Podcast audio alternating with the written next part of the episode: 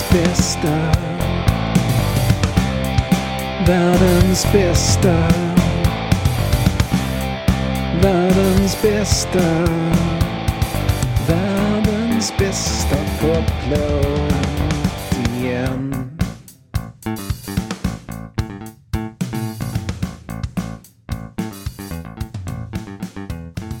Världens bästa poplåt det här med inte bara en utan två låtar som är samma låt, men ändå inte. Jag är Nils Karlsson och jag är här för att reda ut begreppen och förvirringarna som uppstår när en låt blir två och båda är så otroligt, otroligt bra att båda är världens bästa. Å ena sidan har vi Joan Baez helt otroliga Diamonds and Rust.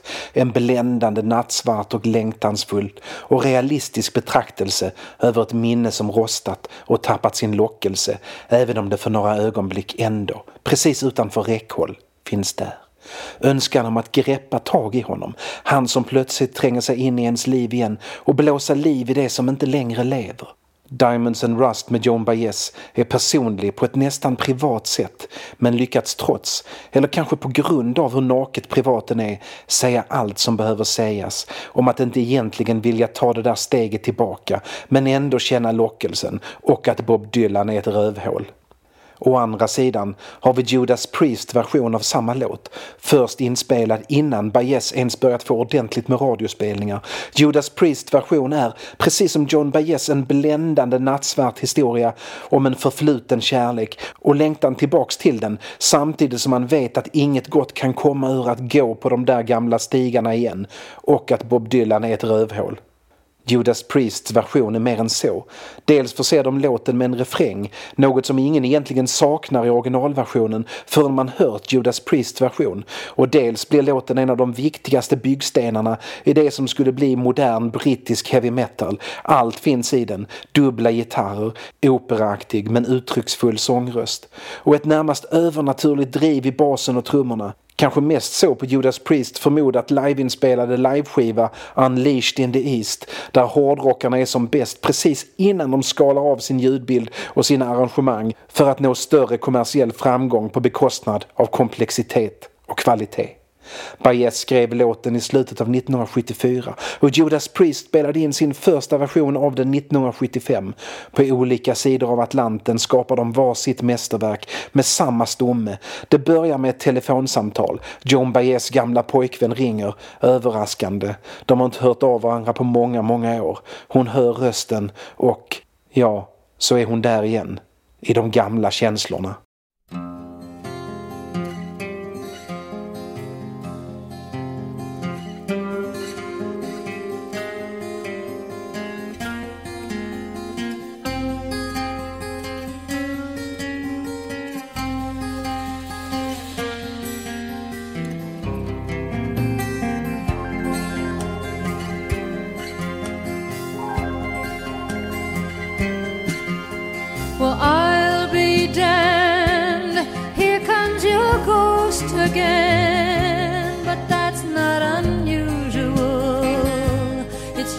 That the moon is full and you happen to call.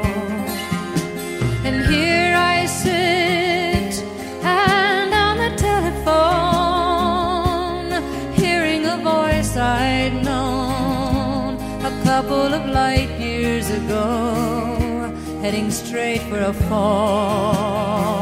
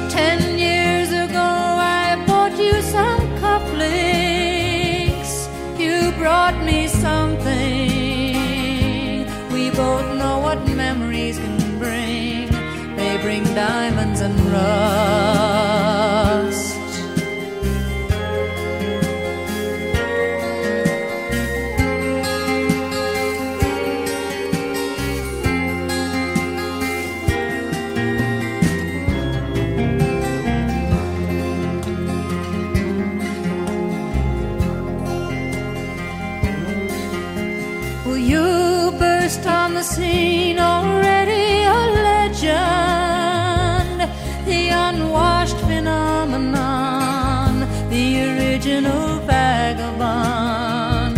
You strayed into my arms, and there you stayed, temporarily lost at sea. The Madonna was yours for free. Yes, the girl on the half shell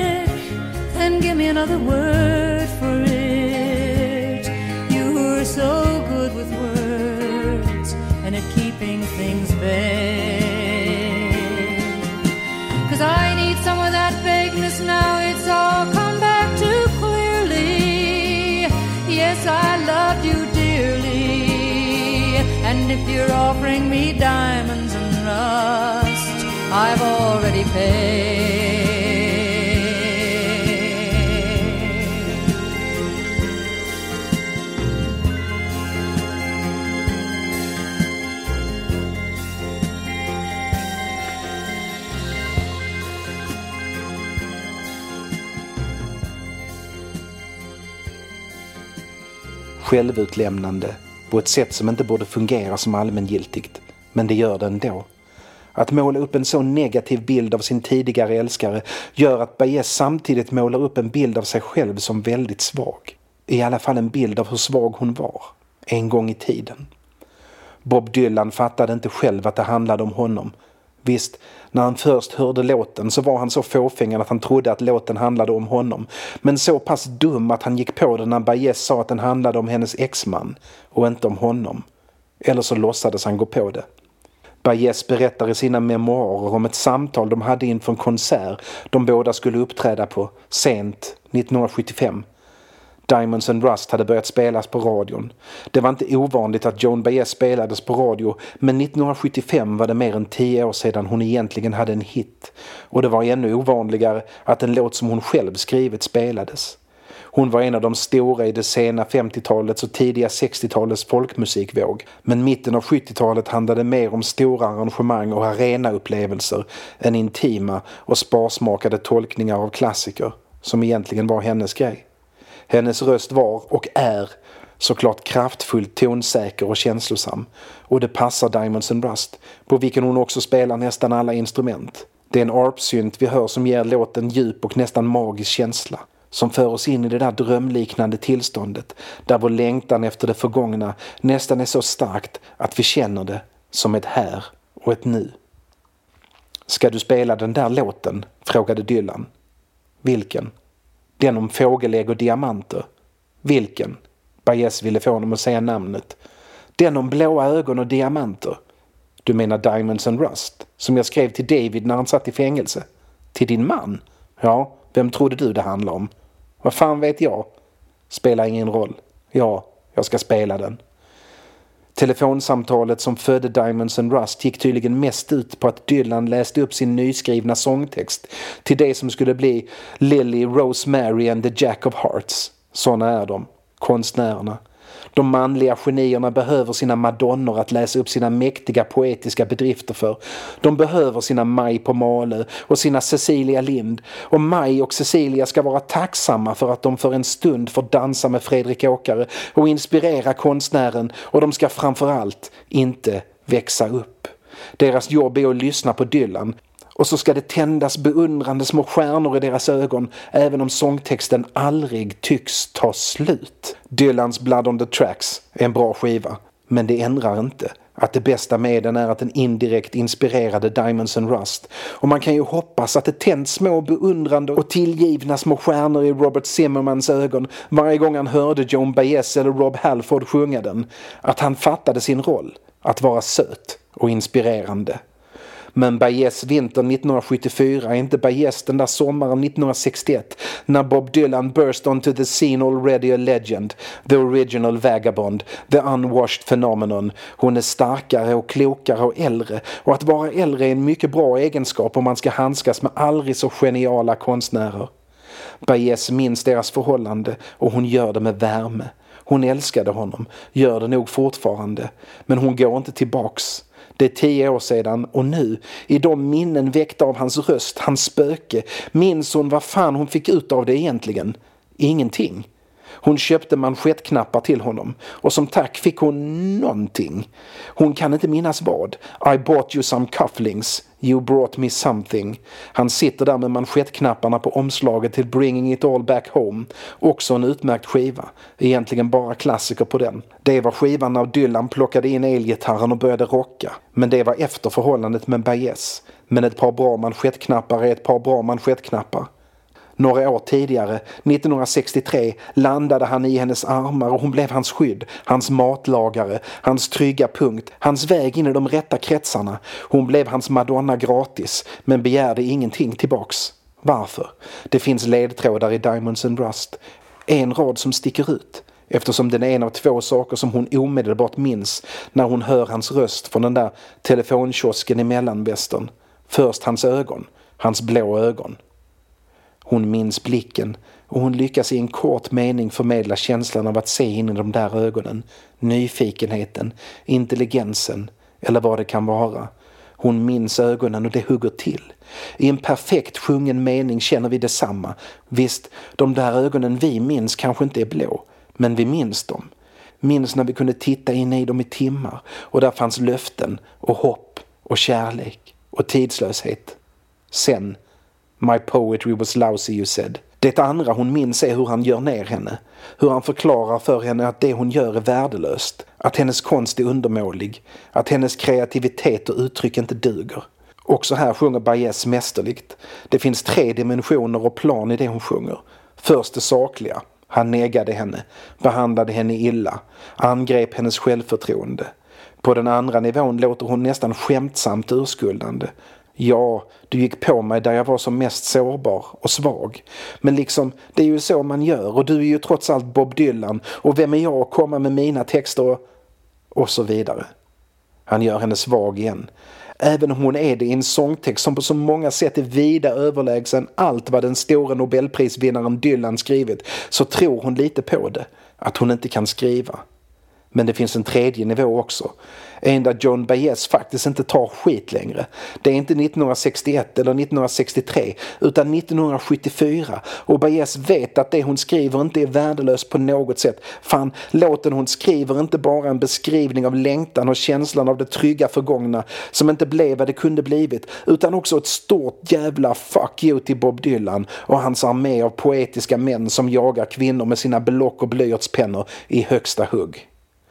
Det är ingen revanschhistoria heller. Inget “titta vad jag kan”. För Baez bryr sig inte längre. Zero fucks given. Dylans åsikter om hennes sångtexter är helt oviktiga. Hon konstaterar att han en gång fick Madonnan gratis och genom att förolämpa henne, genom att såra henne.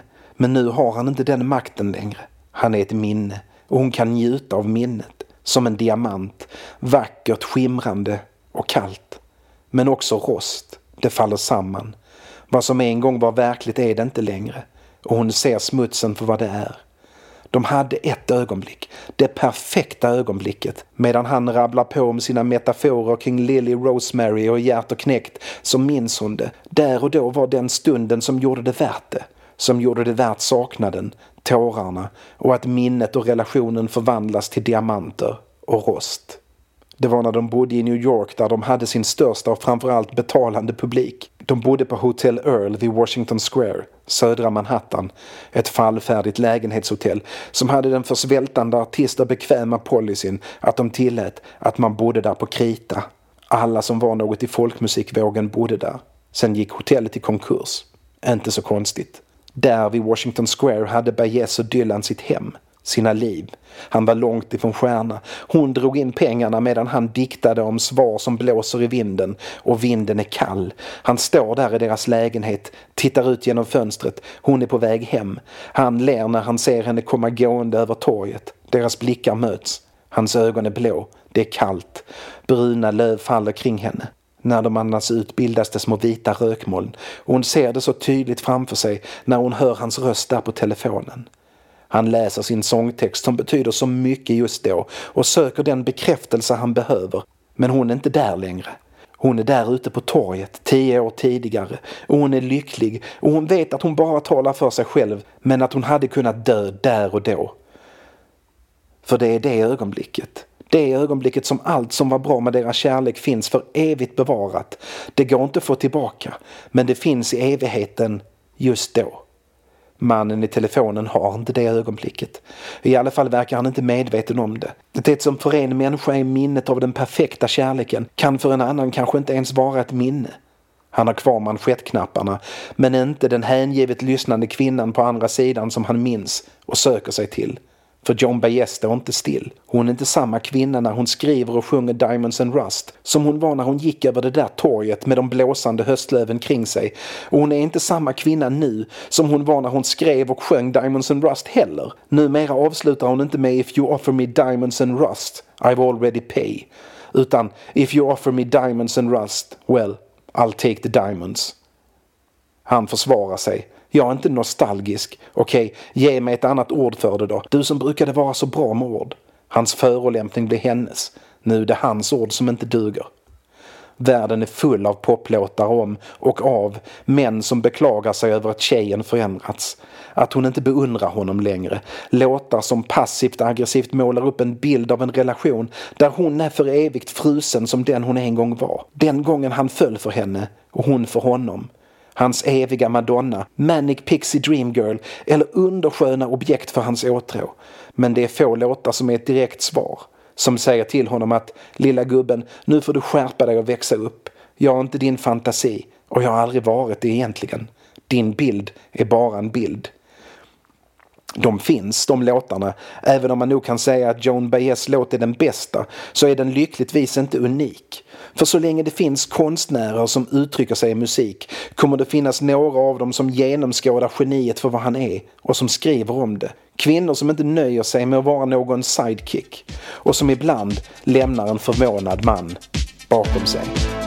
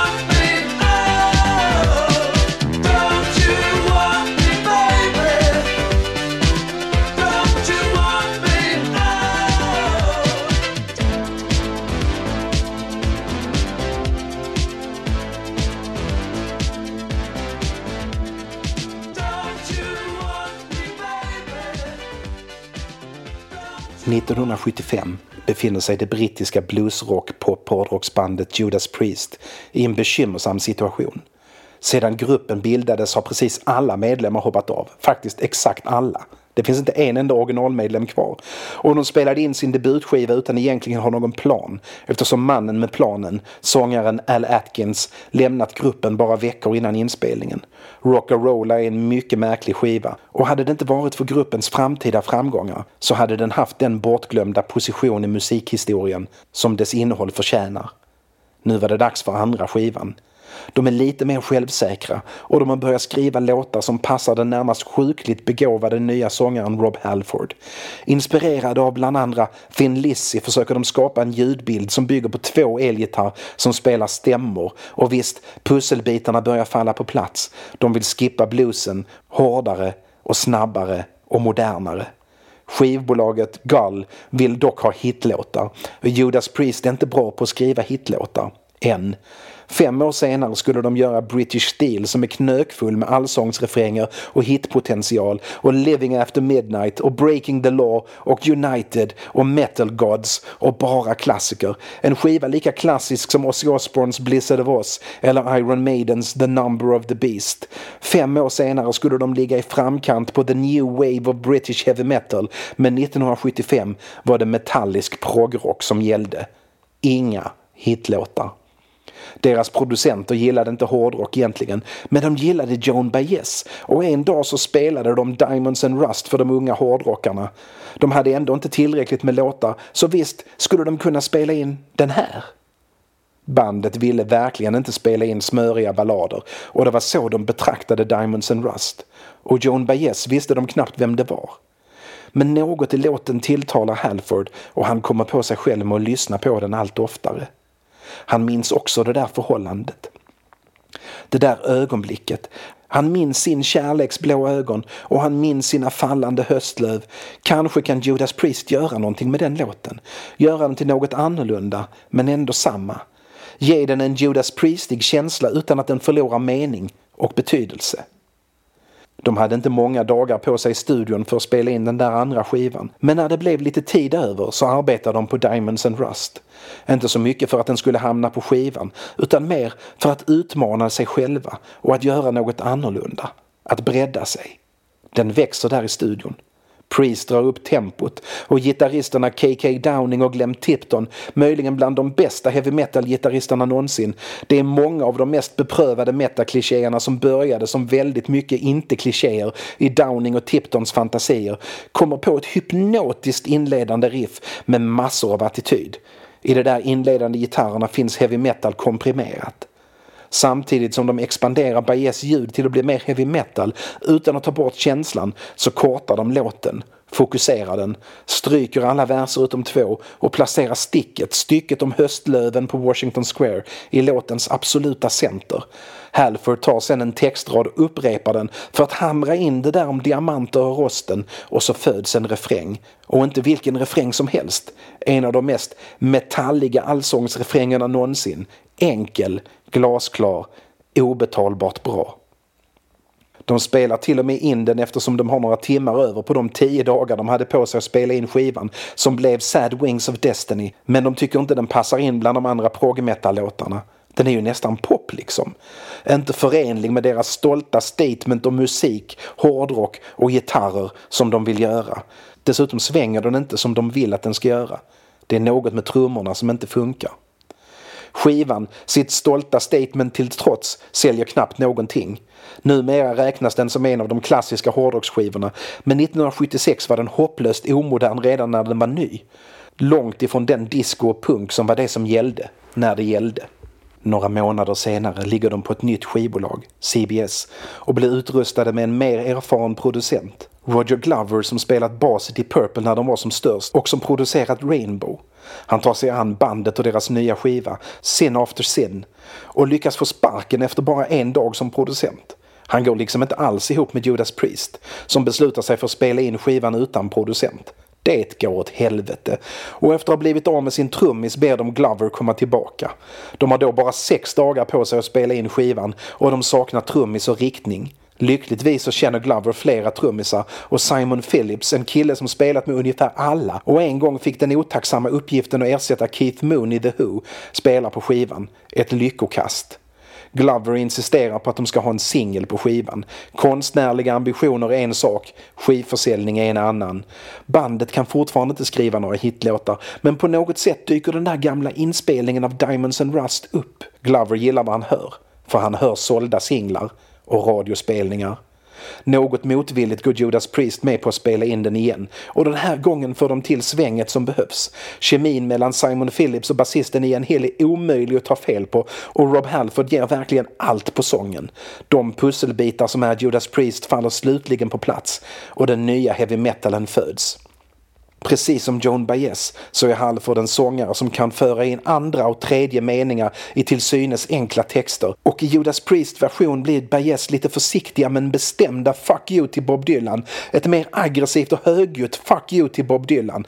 Det är inte ett intimt fuck you den här gången. Nej, Halford är som de där idioterna som åker kollektivtrafik och bråkar med någon på högtalartelefon så att alla kan höra. Han kräver sin publik. Ska någon bli avslöjad som en idiot så ska det göras offentligt konflikt.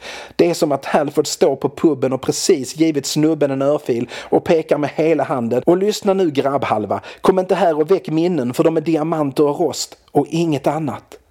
Det blir nästan för mycket. Man känner att man inte vill bråka med Halford och tanken att kalla hans poesi värdelös är absolut det sista vi tänker på. Halford accepterar inte heller att vi påstår att vi inte är nostalgiska. Att vi inte längtar efter det där som inte ens var på riktigt. Men han gör det inte som Baez med kylig humor där hon vänder Dylans försök att bryta ner henne mot honom. Nej, Halford fräser. Han är fly förbannad och det är befriande underbart. Simon Phillips har inte tid att spela med Judas Priest på heltid. Så inför turnén hoppar Les Binks in på trummor och det är med honom Judas Priest version av Diamonds and Rust når sin perfekta form. Och det är i den formen den finns på Unleashed in the East. Inspelad i Japan om man ska lita på bandet. Judas Priest var verkligen som bäst där. Binks och Hill, Tipton och Downing och Halford. Låten blev med all rätta en klassiker och en av de låtar som Priest oftast spelat live. De skrev kanske inte originalet, men den är minst lika mycket en Judas Priest-låt som vilken som helst av deras låtar. Och 1977 blev det rent av en hitlåt. Spelad i radio och allt. Roger Glovers öra för singlar lyckades den gången också. Och på det viset blev ett självupptaget telefonsamtal från en låtskrivare som både var lite för medveten om sin egen begåvning och lite för dryg med det till världens bästa poplåt. Inte bara en utan två gånger. Två gånger som Bob Dylan faktiskt var den där inspirationen till storhet som han själv så uppenbart söker hos någon annan. Jag minns mina diamanter och rosten. Men rosten går bort i tvätten även om det ibland kan vara riktigt, riktigt svårt.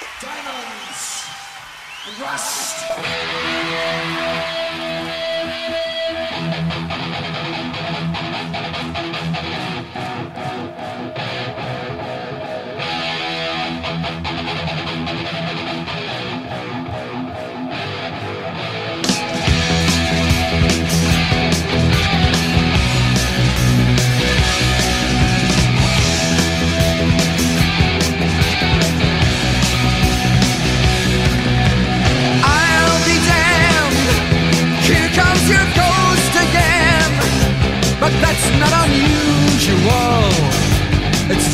the moon is full and you decided to call. And here I sit, hand on the telephone, hearing a voice I've known a couple of light years ago, heading straight for a fall.